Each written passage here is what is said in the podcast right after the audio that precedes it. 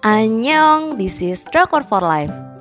Tempat kalian dengerin review drama Korea.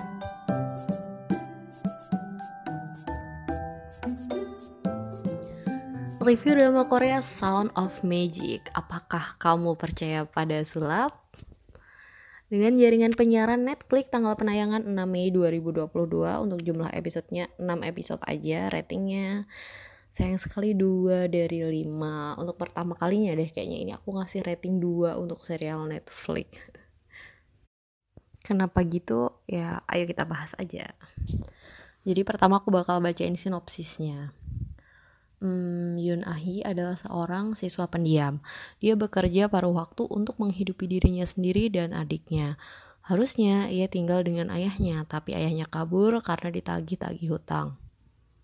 Ahi adalah siswa berprestasi, tapi hidupnya kurang beruntung. Suatu hari dia mendapatkan undangan ke taman bermain terbengkalai yang gosipnya dihuni oleh pesulap yang tampan. Kemudian Ahi datang dan bertemu dengan Riol. Dia adalah seorang pesulap yang menunjukkan sulapnya pada orang yang percaya first impression nonton drama ini sebenarnya aku kagok sih. Entah karena nggak biasa nonton series yang musikal gini atau emang kurang cocok sama ceritanya. Jadi dari menit awal juga semua udah pada nari-nari sambil nyanyi gitu. Lagunya enak cuman ya karena sekali denger jadi nggak nempel banget terus. Uh, aku lanjutin episode selanjutnya kan. Ternyata aku kayaknya beneran kurang cocok sama drama ini Sebenarnya ketika nonton series ini yang sangat-sangat fantasi, aku langsung keinget dua judul film kartun antara Gadis Penjual Korek Api dan Alice in Wonderland. Kenapa? Ya karena surapnya si Riel ini tokoh Ahi dengan background kesulitan ekonomi terus diajak Riel ke dunia sulap buat Ahi seneng sesaat untuk melupakan permasalahannya. Uh, ini kan gadis penjual korek api banget ya, tragic sih. Tapi sebenarnya relate gitu loh. Jadi uh, semacam sedikit hiburan kayak ketika si gadis uh, penjual korek api itu nyalain apinya gitu. Terus tentang Alice in Wonderland ya tentang Riol bahkan menurut aku Riol ini hmm, sulapnya nggak nyata masuk ke taman bermain itu emang bagaikan in Wonderland banget bagian dari mimpi indahnya Ahi. Untuk alur ceritanya berpusat pada tiga tokoh utama Ahi, Riol, dan Ildeng hmm, tentang kepercayaan kita pada sulap. Kalau kalian percaya ya Riul akan membawa Ahi dan atau Ildeng ke sulapnya. Sulapnya Riul itu nggak nanggung-nanggung sampai mainin imajinasi kita dan ngebawa Ahi atau Riul ke tempat yang tidak terduga dengan ajaibnya. Untuk tema fantasi drama ini sebenarnya bikin penonton dihadapkan dengan dua pilihan. Pilihan percaya sulap atau enggak. Karena sampai akhir kita nggak benar-benar tahu kalau sulap yang dilakukan Riol itu beneran asli atau cuma tipuan mata. Jadi sampai akhir benar-benar sampai akhir tuh kita diserahkan sama keyakinan kita. Untuk konflik drama ini pusatnya sama Riol hmm, tentang identitasnya asli, siapa dia sebenarnya, apakah dia punya keluarga, apa dia benar tinggal sendiri bersama sulapnya, kenapa dia hidup sendiri melakukan sulap, dan di episode terakhir kita akan dihadapkan kenyataan kalau Riol ini punya riwayat sakit, sakit jiwa. hmm, selanjutnya aku bakal bahas penokohannya. Ada Riol diperankan oleh Ji Chang-wook. Dia adalah seorang pesulap misterius. Kabar tentangnya menjadi bahan pembicaraan masyarakat. Dia tinggal di taman hiburan yang terbengkalai sendirian. Dia melakukan pertunjukan sulap pada orang yang percaya. Selama ini dia sering muncul untuk menghibur Ahi dan menolongnya. Terus ada Yun Ahi diperankan oleh Choi Sung Eun. Dia adalah seorang siswa, dia pintar dalam akademisnya, tapi dia kurang beruntung dengan keluarganya. Ayahnya terlilit hutang dan kabur entah ke mana. Dia tinggal dengan adiknya. Dia bekerja paruh waktu untuk memenuhi kebutuhan dengan adiknya. Bahkan untuk makan pun dia tuh susah. Tapi Ahi dan adiknya tuh hidup dengan rukun dan bertahan semampunya. Bagi Ahi, kehadiran Riel adalah sebuah pelipur bagi semua kesulitannya. Terus selanjutnya ada Na Ildang diperankan oleh Hong In Yop.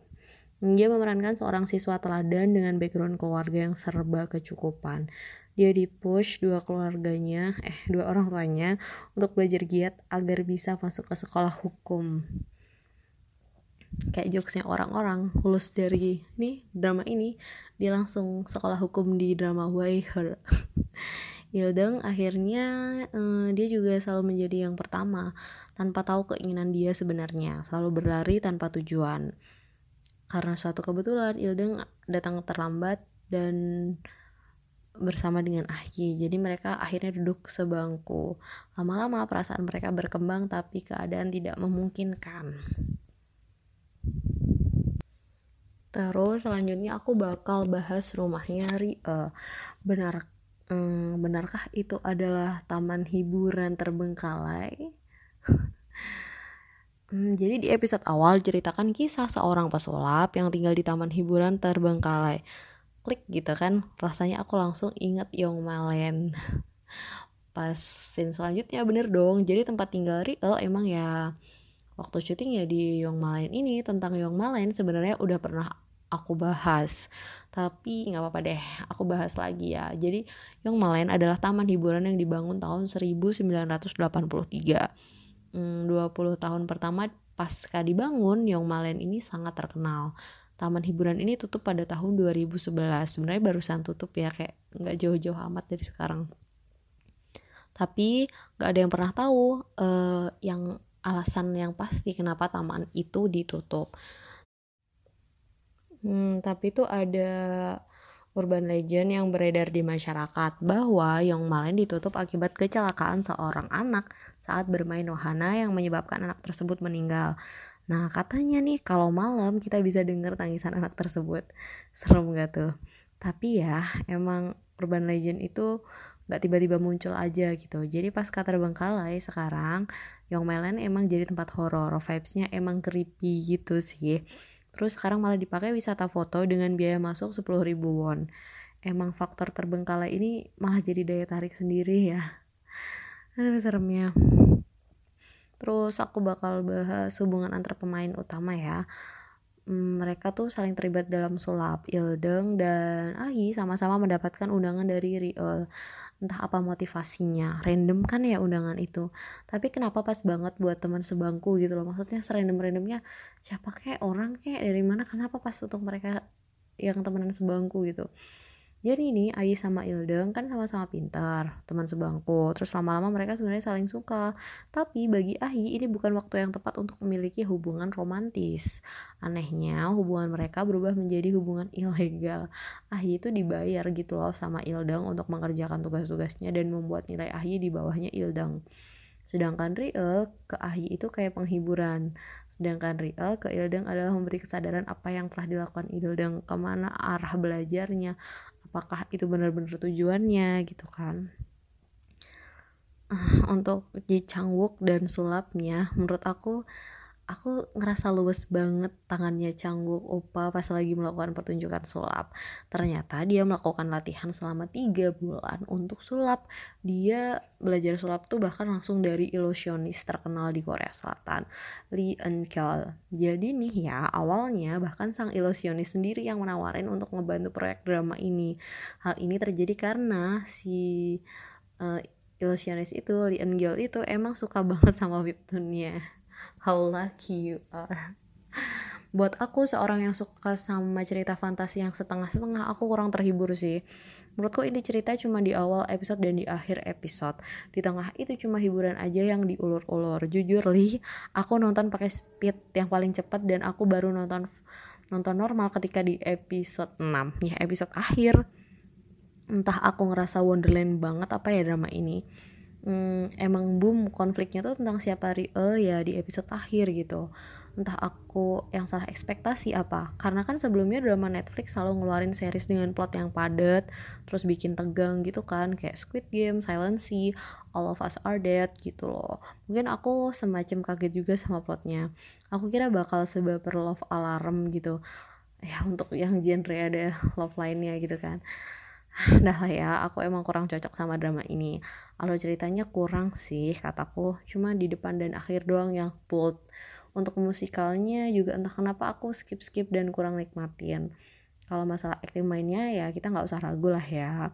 Aku paling suka sama detailnya baju ah yi the real miskin. Beneran definisi nggak punya uang. Jadi baju yang dipakai ya itu itu aja gitu jarang ganti terus kalau ditanya rekomen nggak sih? Kalau kalian punya pandangan kayak aku yang nggak terlalu seneng fantasi yang setengah-setengah kamu better skip aja. Cuman kalau kamu anaknya fantasi banget ya silahkan ya coba aja nonton. Atau kalau kalian pengen nonton karena alasannya case-nya doang ya udahlah ya nonton nonton aja. Nah, tapi ini adalah salah satu series Netflix yang bikin aku kaget karena aku nggak nyangka akan seenggak cocok itu aku sama drama ini Hmm, dan seperti biasa Netflix selalu menyisakan alur yang menggantung. Jadi nggak ada kejelasan setelah kasus-kasus-kasus real ini nggak tahu entah di mana, nggak tahu keadaannya kayak gimana gitu, bener-bener kayak hilang dimakan alam. I don't know apa yang terjadi mungkin ya. Itulah ciri khas Netflix selalu menggantungkan. Kita lihat jumlah penontonnya. Kalau ini bagus mari kita lanjutkan project. Kalau ini enggak mari kita akhiri dan kubur saja Jadi itu tadi review drama Korea Sound of Magic. Apakah kamu percaya pada sulap? Terima kasih sudah mendengarkan. Buat kalian yang pengen dapat daily update, kalian bisa cek di Instagram kami @drakorfolive. Jangan lupa live-nya pakai Y. Terima kasih.